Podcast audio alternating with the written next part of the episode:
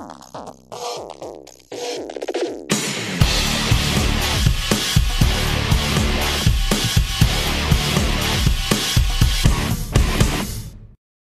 Fener Podcast'e hoş geldiniz. Bu akşam yine Yiğit Yılmaz'ın yokluğunda moderatörlük görevi bana düştü. Batuhan Batılı ile Fenerbahçe, Karabük, Karabük Fenerbahçe maçını değerlendireceğiz. Batuhan hoş geldin. Hoş bulduk abi. Ee, Batuhan ilk yarısı kova görünce güzel yani stresli bir maça çıktık. Fenerbahçe'nin e, geçen haftada yaşadıklarının bu haftaya yansıdığı bir stresli bir maçta. İlk yarıda bence iyi bir oyun vardı. İkinci yarıda özellikle 2-1 olduktan sonra çok sıkıntıyı çeken bir Fenerbahçe izledik. Ee, sen şöyle 90 dakikayı kafanda oynadığında ne düşünüyorsun? Abi dediğin gibi ilk 11'i gördüğümüzde az çok tahmin ediyorduk bu 11'i. Özellikle hafta içinde Emre Belezoğlu'nun e, gazetecilerle yaptığı sohbet toplantısında bunların ipucunu alıyorduk. Fenerbahçe'nin oyununun biraz değişmesi gerektiğini, e, bu şekilde oynamayacağını, bunu hocanın da farkında olduğunu belirten mesajlar vermişti. Bu mesajlar bu maçta biraz daha topa sahip pas oyunu oynayacağımızı, biraz daha önde basmaya çalışacağımızı ve Mesut'un 11 olacağına dair e, mesajlar içeriyordu. Ondan dolayı kadroyu görme şaşırmadım. Öncesinde ben de kafamda bu kadroyu bekliyordum. Maç başlangıcı olarak da aslında Fenerbahçe iyi başladı. Karagümrük epey bir aslında radikal bir şekilde kapanarak başladı maça. 8-9 kişiyle arkada bekleyen bir Karagümrük vardı. Onlar da izin vermesinin de payı var. Ama yine de Fenerbahçe iki, ilk yarıda rakip ceza sahasında en fazla isabetli pas yaptığı maçı oynamış. 174 tane pas yapmış rakip ceza sahasında e, Fenerbahçe.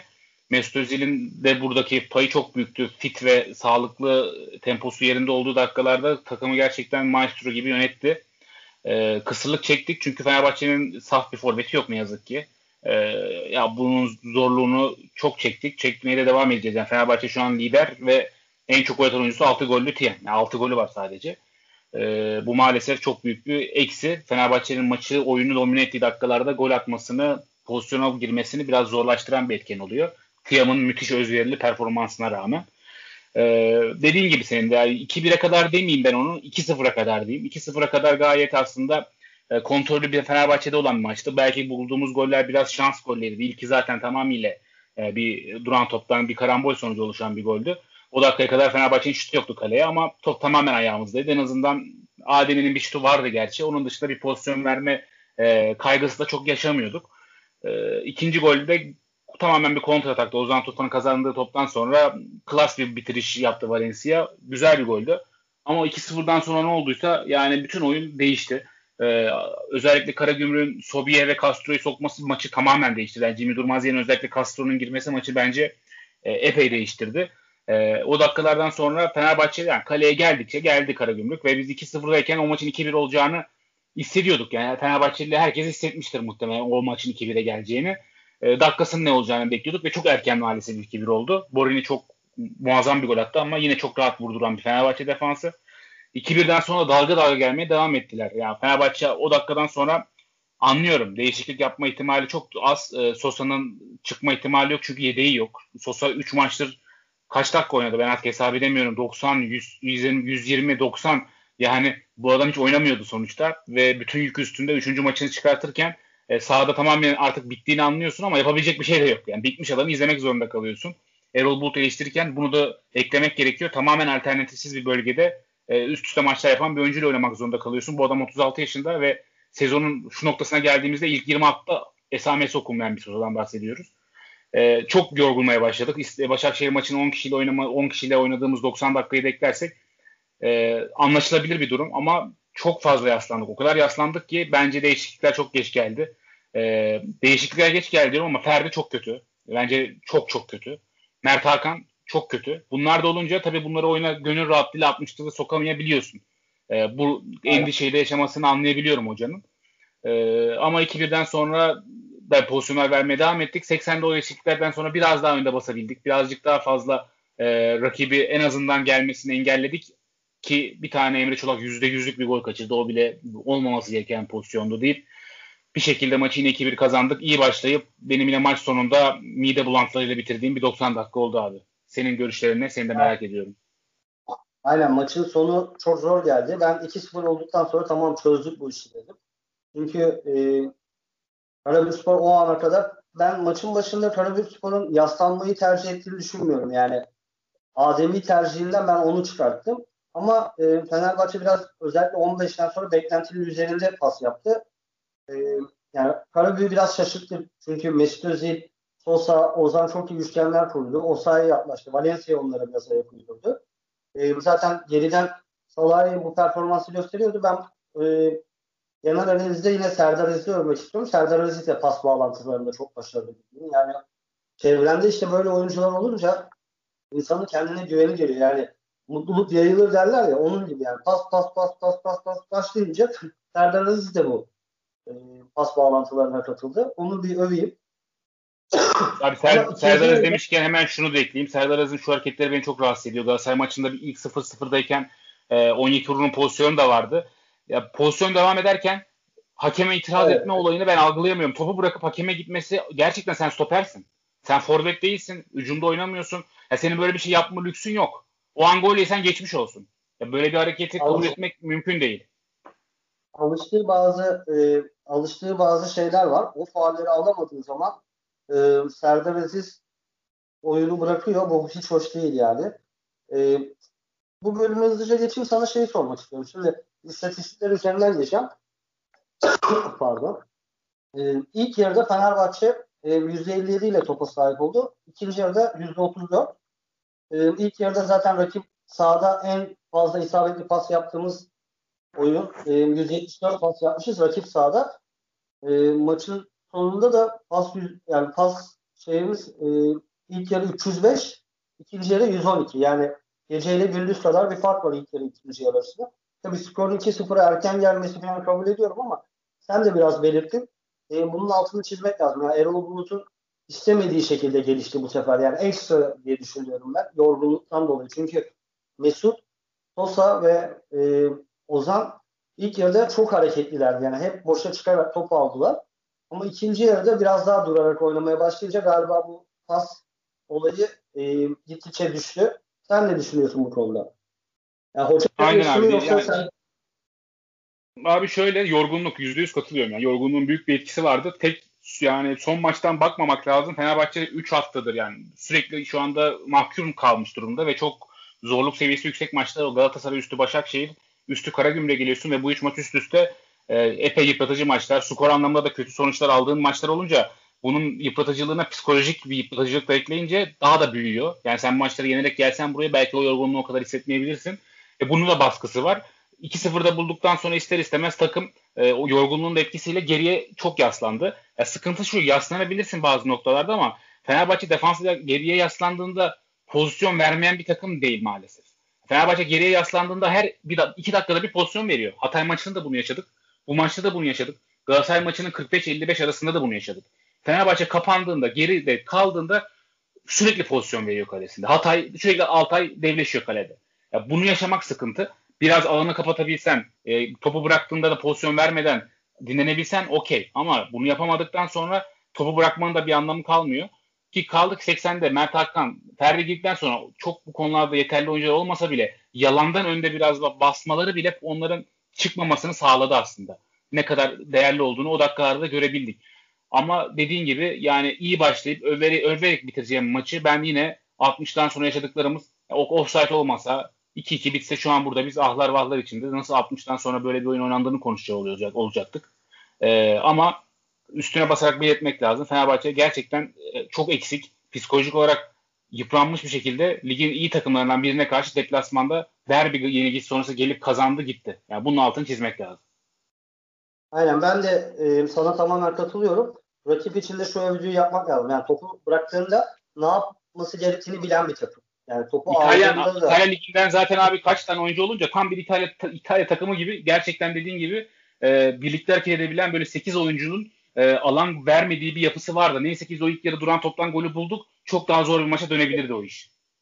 Özellikle orada sen e, söyledin yine onun altını çizmek için söylüyorum. E, Jimmy Durmaz değişikliği de çok fark yarattı. Yani Jimmy Durmaz bize biraz yarıyordu yani durağanlığıyla. O e, hani iki, ikinci yarıdaki ikinci yarıda özellikle daha düşmüştü. Jimmy Durmaz keşke 90 dakikayı tamamlasaydı dedim açıkçası. Aynen öyle. Ee, öyle devam ediyorum.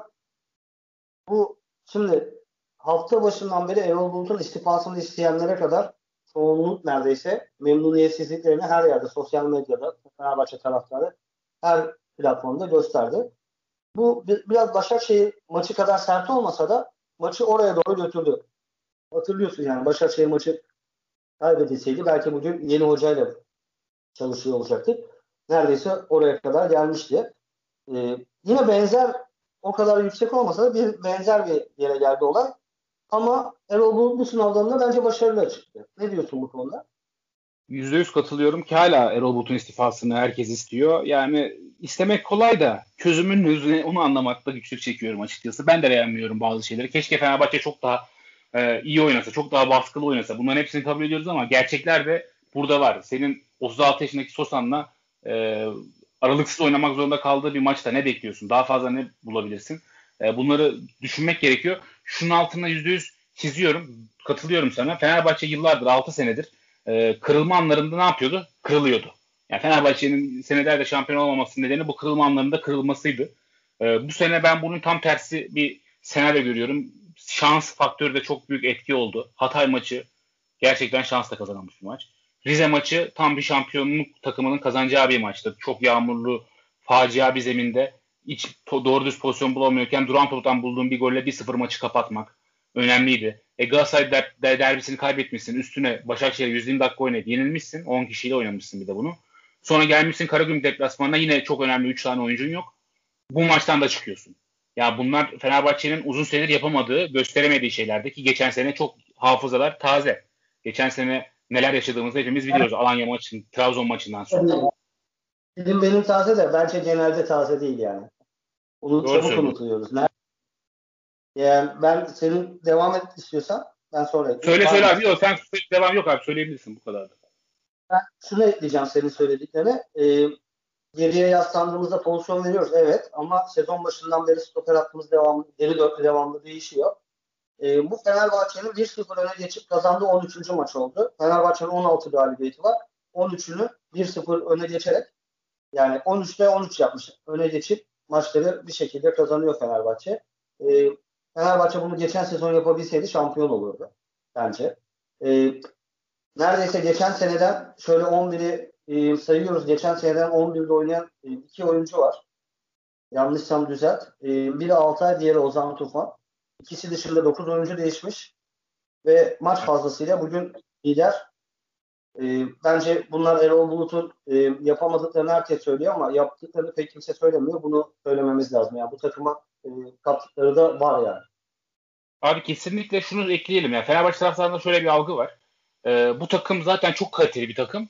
Her türlü bunu yapardı. Yani arkadaşlar bu takım o kadar kaliteli bir takım değil. Üzgünüm. Yani ben size bunu söyleyeyim. Bu takım o kadar düşündüğünüz kadar inanılmaz bir takım değil. Evet bu ligin tabii ki de üstünde bir kadrosu var. E, ama zaten bu takımı kaliteli yapacak 3 oyuncun yok ki senin bugün. Ya bunu görmek gerekiyor. Bu 3 oyuncun 3 e, üç maçtır. Senin Erol Hoca'nın kovulmasını istediğin 3 maçta da yok. E, bu 3 oyuncu olmadan e, zaten senin kadro kaliten ciddi erozyona uğruyor. Bu noktada Fenerbahçe'nin oynadığı futbolda inanılmaz eleştirmenin doğru olduğunu düşünmüyorum. Ben de çok eleştiriyorum. Ee, yanlışlar çok var. Erol Hoca'nın bugün de ben 2-0'dan sonra oynanan oyunu asla kabul etmiyorum. Umarım dersler çıkartılır. Ama ya gözünü seveyim. Perkas diyoruz ya. Bu lig, abi sana şunu soruyorum. Perkas, Gustavo, İrfan. Bu üç oyuncu ligde 5 tane en iyi orta saha 3'ünü hadi 5 demeyeyim de yani hadi 8 diyeyim çok daha fazla olsun. 8 oyuncudan 3'ü bu oyun 3'ü değil midir? Evet. Ya bu oyuncuların yani, olmadığını düşünmek gerekiyor. Bunu bilmek gerekiyor. Yani şu Bana sorsan 5'te 3.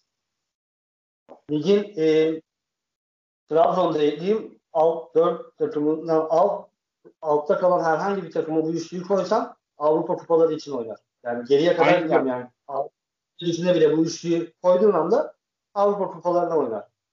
Aynen öyle. Ama ya bu bunu evet. görmek gerekiyor abi. Tamam ben de Erol Bulut'u çok istiyorum. Kabul etmiyorum bazı şeyleri. Bakın altını çiziyorum. Erol Bulut'u savunmak gibi olmasın kesinlikle. Ama şunu da görmek gerekiyor. Senin de dediğin gibi 23 hafta bitmiş. Fenerbahçe şu anda lider. Değil mi? Lider. 24 hafta. 24. haftayı oynadı Fenerbahçe. Şu anda Fenerbahçe 20 transfer yapmış Fenerbahçe liderlikte. Ee, ve 2 aydır bu takım 3 günde bir maç yapıyor. Bunun altını çizeyim. 2 ayda hep rakipleri Fenerbahçe'den nedense tesadüf olsa gerek hep daha fazla dinlenerek maçlara geliyor. Yani evet. 4 dinlenen bile oldu yani bize karşı. tabii bugün yine Fenerbahçe 120 dakikadan gelmiş. Karagümrük bir haftadır kupada oynamadığı için bunu yapabilecek bir şey yok. Yine daha fazla dinlenerek gelmiş bir Karagümrük vardı. Ve Fenerbahçe 2 ay sonra ilk defa bugünden itibaren bir 3-4 hafta sanıyorum ya da daha fazla da olabilir. 5-6 hafta da olabilir. Haftada bir maça düşecek. Ee, Birçok futbolcusu evet. geri dönecek. Yani rica ediyorum herkesten. Bu depresif modu bu hocayla asla şampiyon olamaz. Ya Galatasaray Hamza Hamzoğlu ile şampiyon oldu bu ligde. Yani gözünü seveyim. Bu kadar fazla e, depresyona girecek, bu kadar takımı gerecek ortamda bir şey yok. Galatasaray evinde Alanya Spor'a kupa maçında dakika 40'ta üçlük oldu mesela. Yani e, onun Fenerbahçe yaşasaydı ne olacaktı? Bunları Oo. da düşünmek gerekiyor.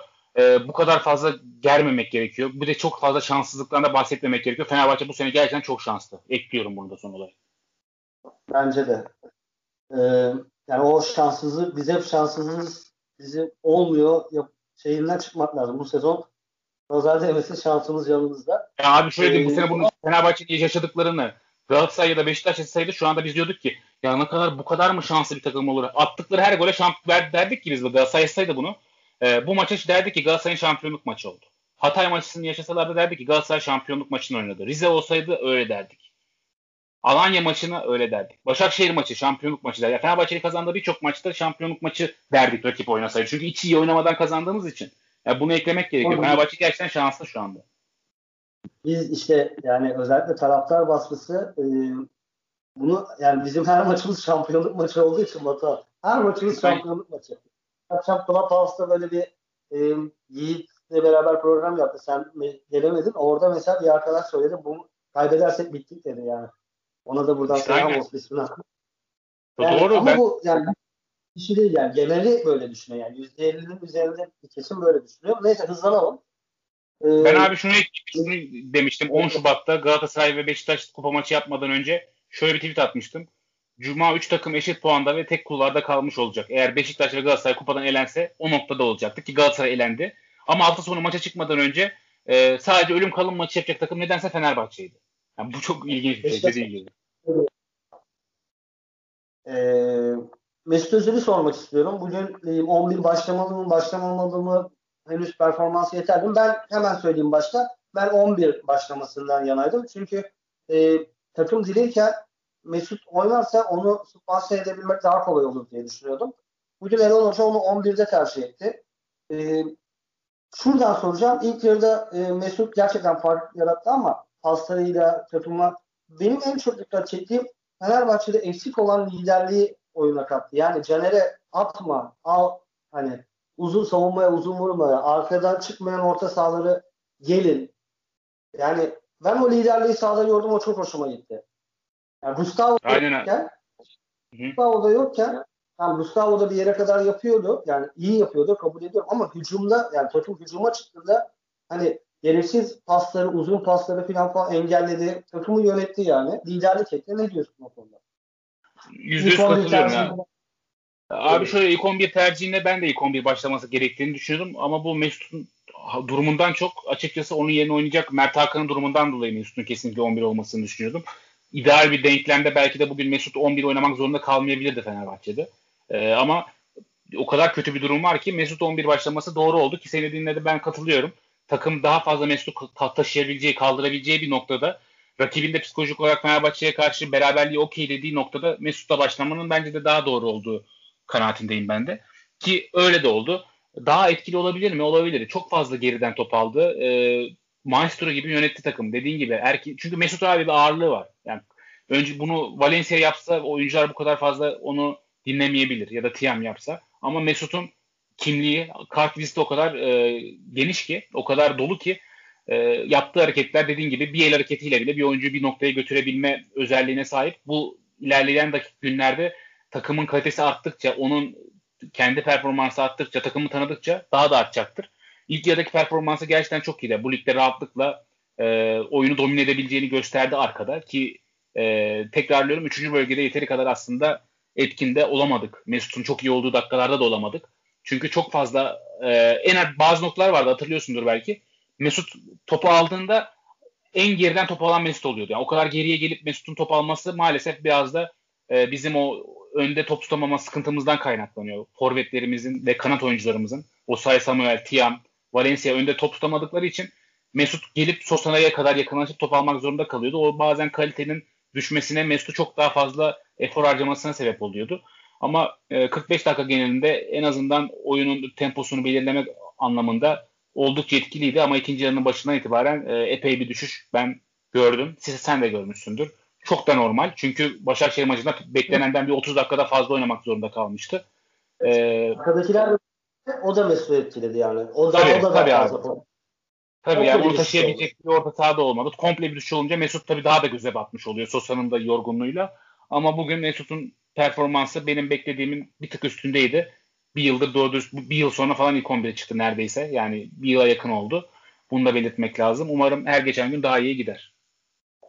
Serbest satıştan o frikiyi de gole çeviriyordu. Çok az bir farkla dışarı çıktı. O da gol olsaydı pasların üstünde çilef olacaktı diyorum.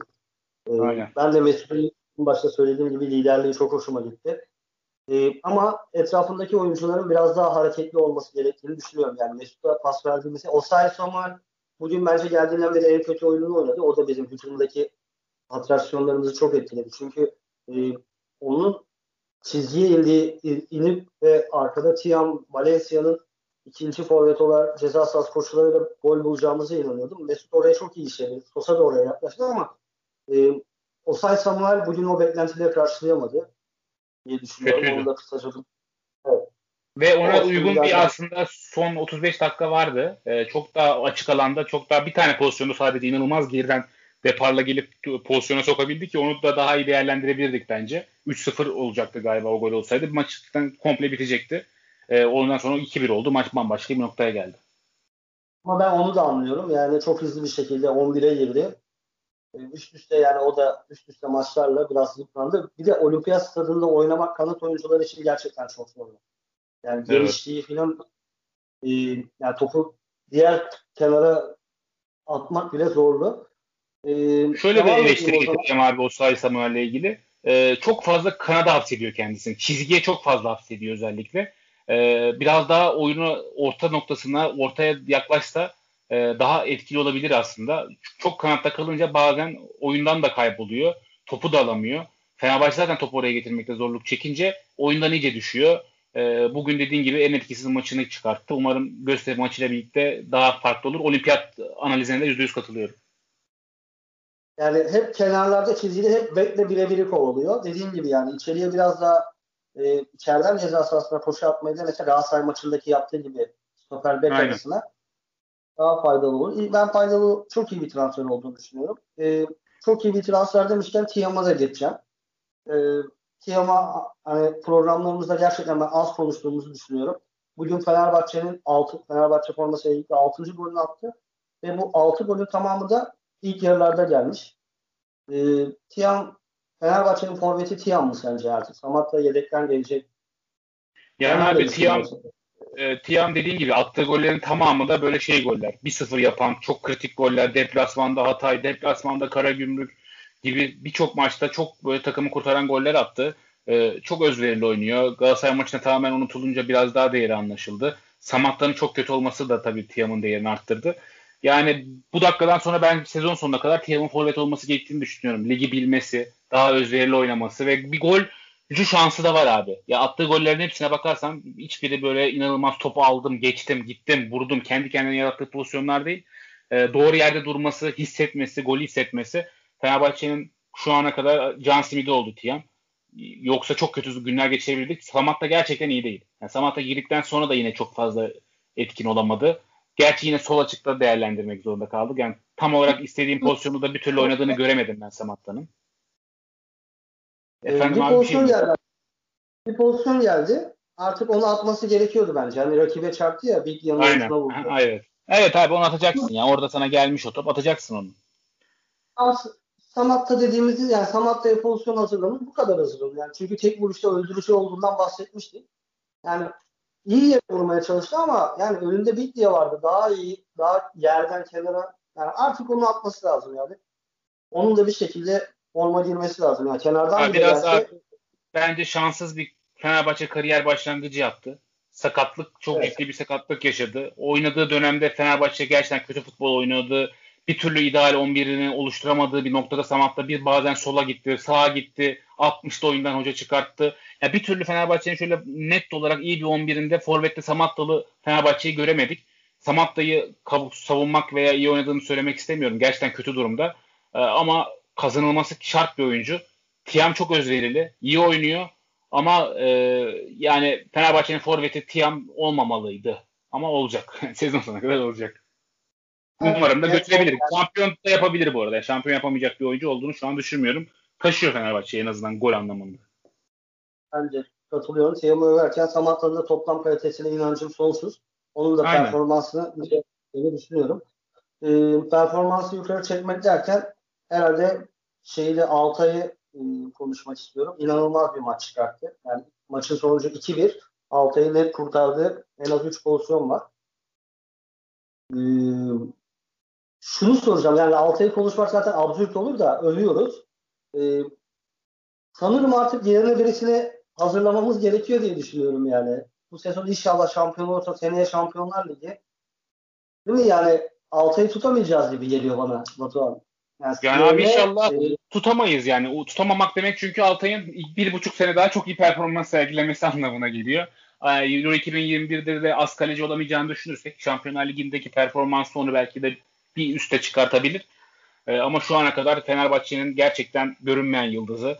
Hala görünmeyen diyorum. Yani görünmeyen demek bile komik. Çünkü Altay'ın öyle bir geçmişte e, özellikle basın mensupları tarafından, gazeteciler tarafından eleştirildiği noktalar var ki insanlar sözünü yemekten oldukça çekindiklerinden dolayı Altay'ın bu performansını da yeteri kadar övmediklerini görüyorum ben. E, isim vermeme gerek yok ama tahmin etmiştir dinleyen birçok kişi. E, Altay yine Fenerbahçe'yi kurtardı. Altay Fenerbahçe'yi Hatay maçında da kurtardı. Rize maçında da çok kritik bir kurtarış yaptı. Sivas maçında da yaptı. Ya Fenerbahçe'nin öyle her maçta Altay'ın kesinlikle en az bir tane çok kritik kurtarışı var. Denizli deplasmanı olsun. Aklıma gelenler hemen bir çırpıda söyleyebildiklerim.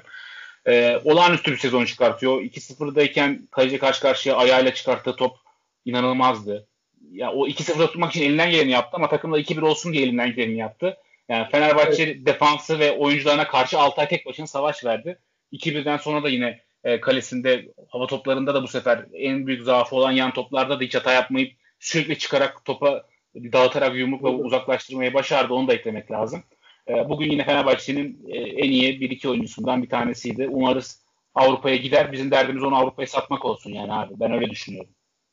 Abi işte o e, Fenerbahçe'nin yerli kaleci geleneğini belki şu an yurt dışında kiralıkta oynuyor. Bence e, artık yerine birini hazırlamak lazım. Yani bu Türkiye için biraz zor bir planlama ama ben şimdiden söyleyeyim Altay'ın yerine birisini hazırlamak gerekiyor artık.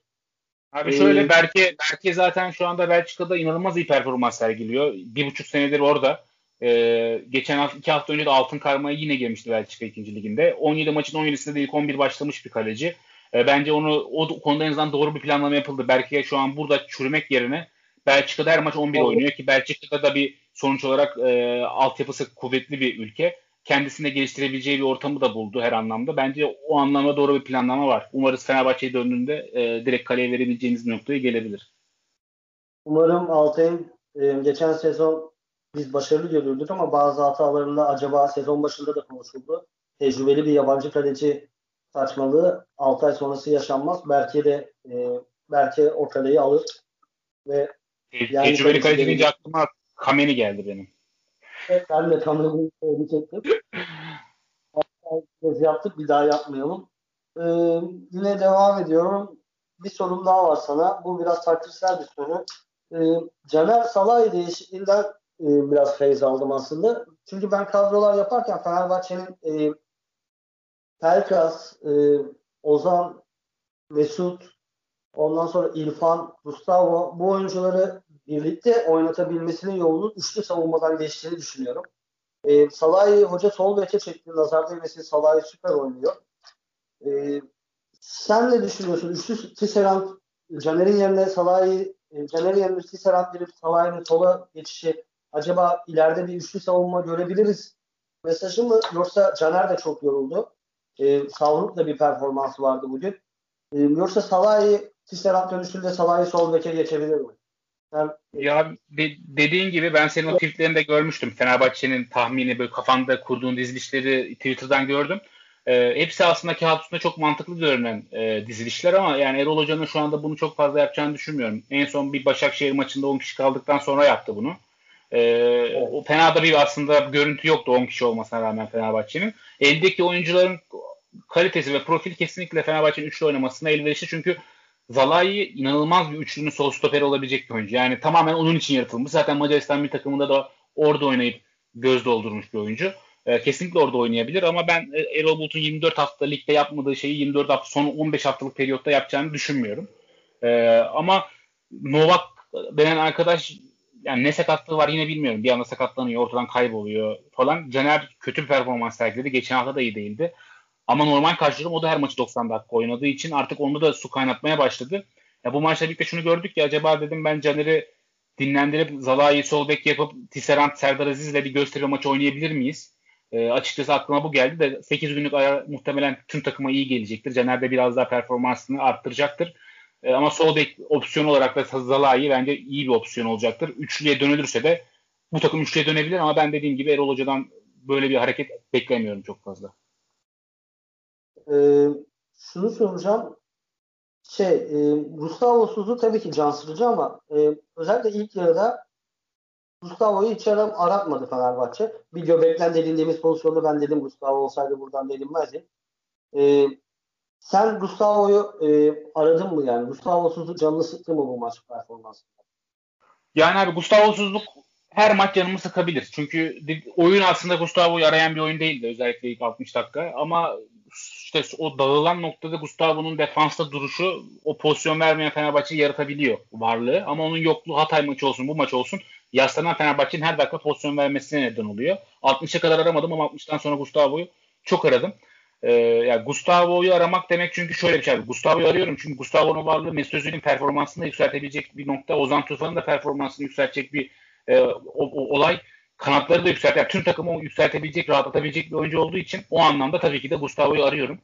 E, Pelkas'ı da çok arıyorum. Pelkas bu maçta olsaydı kanatta Valencia'nın çok yorulduğu noktalarda sol açıkta sol önde denenseydi bence Karagümrük'ü biz paramparça edebilirdik bir noktadan sonra. Özellikle ikinci yarı 2-0'dan sonra böyle bir durum asla yaşanmazdı.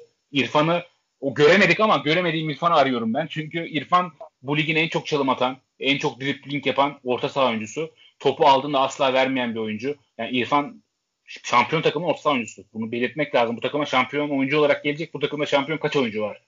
Bunu düşünmek lazım. Tecrübesiz bir oyuncu olarak gelmeyecek. Yıldız bir orta saha oyuncusu. İrfan'ı da görmeden arıyorum.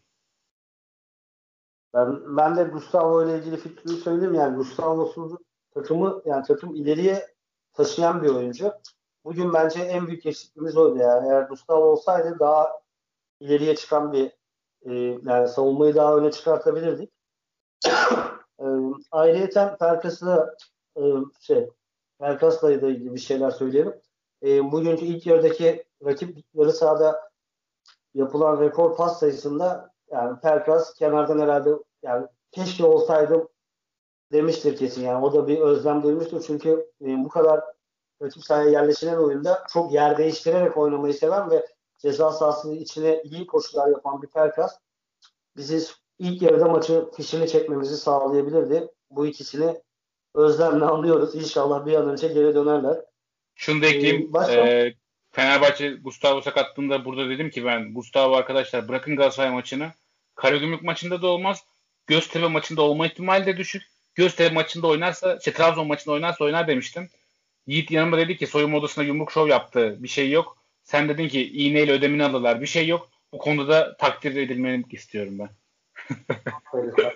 Şöyle ben öyle bizim sağlık şeyi hatırlıyorsun. Darbeye bağlı ödem dedi. Sonra hatırlıyor musun? Twitter'da bir yan bağlarında bağlarda bir Aynen. ödem var diye bir iki farklı yerde. Aslında Galatasaray derbisi öncesinde e, o biraz hani kullanıldı. Yani Mustafa oynar mı oynamaz mı? Çünkü kendini denedi tweetleri atadı, medyaya servis edildi. Değil mi? Aynen. Ama ben dik durdum ilk günden. Tebrik ediyoruz seni. Ee, ben son döner, olarak umarım e, döner. Mert Hakan'ı Mert Hakan yandaşa bir şeyler söyleyeceğim ama ondan önce e, şeyden bahsetmek istiyorum. Bugün Karagümrük'ün yedek kalecisi Fatih'e Allah kaleci şansı verdi. Onu söylemezsem olmaz. E, yani inanılmaz zorladı preslerle, Samatta'yla, Tiam'la, bir pozisyonda Mert Hakan'la böyle ucu ucuna neredeyse topu bir gol yedirmesi gerekiyordu yani 90 dakika öyle geçti yani ama yedirmedi yani. Alisson'un City e, Liverpool maçında başına gelenlerin kat kat fazlasını yaşadı. Ama bir şekilde atlattı. İnşallah kariyerinin devamında da bu şansı yanında olur. Ama benden tavsiye tamam rakip e, kara bir pas oyunu istiyor ama bu kadar zorlanmaz be kardeşim. Değil mi yani? Bana öyle geldi. Sen ne düşünüyorsun? Yani zaten abi az kalecileri Viviano aslında ayağı temiz bir kaleci ve çok tecrübeli bir kaleci. Onun yokluğu e, aynı oyunu oynatmayı zorluyor Karagümrük'te. Aynı oyunu oynamaya çalışmaları da e, kaleciyi zorluyor senin söylediğin gibi. yani öyle bir özelliği olan bir kaleci değil. Ayağı belli ki çok temiz bir oyuncu kaleci değil ama birçok pozisyonda ayağını kullanmak zorunda kaldı.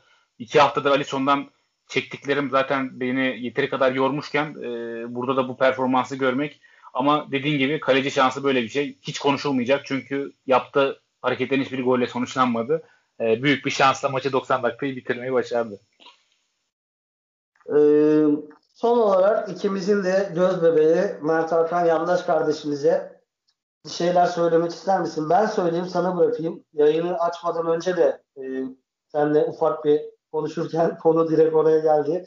Özellikle Salahi'nin pozisyonunda topu dürttü, sağa çekti filan yani tamam kendini göstermek istiyorsun da kendini göstermenin istemi yani kendini göstermenin yolu basit oynamaktan geçiyor. Yani tekte Salah'ın önünde asla maçın son bölümdeki sancıları çekmeyeceğiz.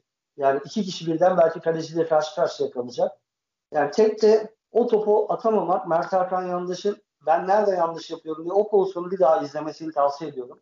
Yine gitti Emre Çolak'a 90 artı 4'te 90 artı 5'te korner bayrağının yanında arka sırtı dönürken faal yaptı. Hakem hakemin önü kalabalıktı. Yan hakem de taç nereden çıktı çıkmadı ona takıldı galiba. O da faali hiç süzmedi. Normalde Türkiye'de yan hakemler direkt o bayrağı çeker sallarlar. Yani orada faal yaptı. Yani lütfen Mert Hakan lütfen yani maç analizi hizmeti veren futbolculara deri hizmeti veren e, kurumlar var. Bence kesinlikle bunlarla anlaşıp kendini hataları çünkü aynı hataları tekrar tekrar tekrar tekrar yapıyor ve aldığı süre de gitgide gitgide azalıyor. Bir şekilde artık bunları görmesi lazım. Bir eşi, dostu, arkadaşı veya bizi dinleyen tanıdığı varsa bu tavsiyeyi veriyorum. Sen ne diyorsun Mert Hakan? Valla abi Mert Hakan'la ilgili söylediklerin hepsine katılıyorum. Yani onu ekleyebileceğim tek şey bugün Fenerbahçe'nin 3 orta saha oyuncusu yoktu ve Mert Hakan oyuna sadece 80. dakikada girebildi. 3 eksiye rağmen. Yani ondan dolayı Mert Hakan'ın bundan sonraki Fenerbahçe kariyeri e, en azından bu sezon için oldukça zora girdi ki bunu kendi zorladı. Çok fazla şans geldi. Hiçbirini değerlendiremedi. E, her hafta daha da eriyen, daha da kötüye giden bir Mert Hakan yanlış izliyoruz. Bugün de yine gittikten sonra olumlu hiçbir hareketi yok. Top kayıpları, gereksiz faulleri yine dediğin gibi son dakikada yaptığı faul hakemin vermediği e, Fenerbahçe'yi sıkıntıya sokacak hareketlerdi. Muhtemelen psikolojik olarak da biliyor kendisi de İrfan'ın gelmesiyle Pelkas'ın döneceği noktada Mesut'un gelmesiyle formayı çok az bulabileceğini. E, yani umarım ilerleyen haftalarda kendisini toparlar. Çünkü ne olur ligde ne olacağı belli olmuyor. İşte bir anda Sosa'nın 3 maç 90 dakika 120 dakika oynadığı bir senaryoyu kimse hayal edemezdi. Yarın hiç olmasını temenni etmiyorum ama belki de Mert Hakan şampiyonluk maçında 11 oynamak zorunda kalabilir. Ondan dolayı umarım bir an önce kendisini toparlar. E, hamle oyuncusu olarak e, kenarda her zaman duracaktır ve bu şampiyonluğu giden yani eğer şampiyon olacağımıza inancım tam şampiyon yerinde kendinden güzel bahsettirebilir. E, uzatmadan çok kısa bir şey anlatmak istiyorum. Mesela 2000-2001 sezonunda e, sezonun ilk yarısında özellikle e, Evir Balic çok iyi oynar. E, yani Real Madrid dönüşü Fenerbahçe'ye çok katkı verir. Ama Antep maçının devre arasında e, evine gidiyor. Yani hoca o 3-0'dan 4-3 dönülen var ya orada mesela o anlatılır. Aslında o maçtan sonra da oynayıp asist yapmışlığı falan var ama o anlatılır. Ondan sonra şampiyonluk hikayesinde Evir Baliç yoktur. Sonra da Galatasaray'a gidince tamamen silinir. Yani bu şampiyonluk hikayeleri nesilden nesile anlatılır ve Fenerbahçe tarihinde bir yer edinirsin. Mert Hakan da bu yeri edinebilir yani bu yürüyüşte. Şu ana kadar yaptı, kötü yaptıklarını olumluya çevirip adını daha iyi yazdırabilir. Bundan sonraki sezonda Fenerbahçe'de 4 senelik sözleşmesi var. Bundan sonraki sezonda da kal- kadroda kalabilmek için kendini geliştirmesi lazım. Bunları inşallah bu hatalardan döner diye düşünüyorum. Ee, başka ekleyeceğim bir şey var mı? Maçla ilgili söylemedik. Şunu yapıp Atilla abi. Şunu Vallahi abi Yiğit'ten daha fazla fırça yemek istemiyorum. Yine dakikayı epey geçtik. Ee, tek söylemek istediğim son olarak şu Fenerbahçe aynı kadroyla 120 dakikanın üstüne geldi. Karagümrük'ü deplasmanda yendi. Bunu unutmayalım. 3 tane kritik oyuncusu dönecek. Haftaya olmasa da en kötü bir hafta sonra dönecek. Yani ilerleyen günleri negatif ve hocanın kötülüğünden daha çok e, lider olan ve en önemli oyuncusunun döneceği bir periyot olarak görürsek Fenerbahçe'ye daha yararlı olacaktır. E, umarım gelecek hafta Göztepe maçı da iyi bir maç olur. Kolay bir maç değil. Ligde kolay bir maç yok. Rahatlamamak gerekiyor. Bir anda kaybedersen Trabzon maçı yine ölüm kalım maçı oluyor.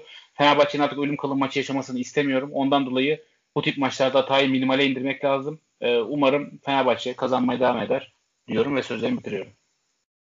Göztepe tarafına sen dokundun. Ben de e, benim hedefim 40 dakikaydı. Yiğit istediği kadar şey yapabilir. 40 dakika süper. Orayı fazla geçirmeden kapatacağım.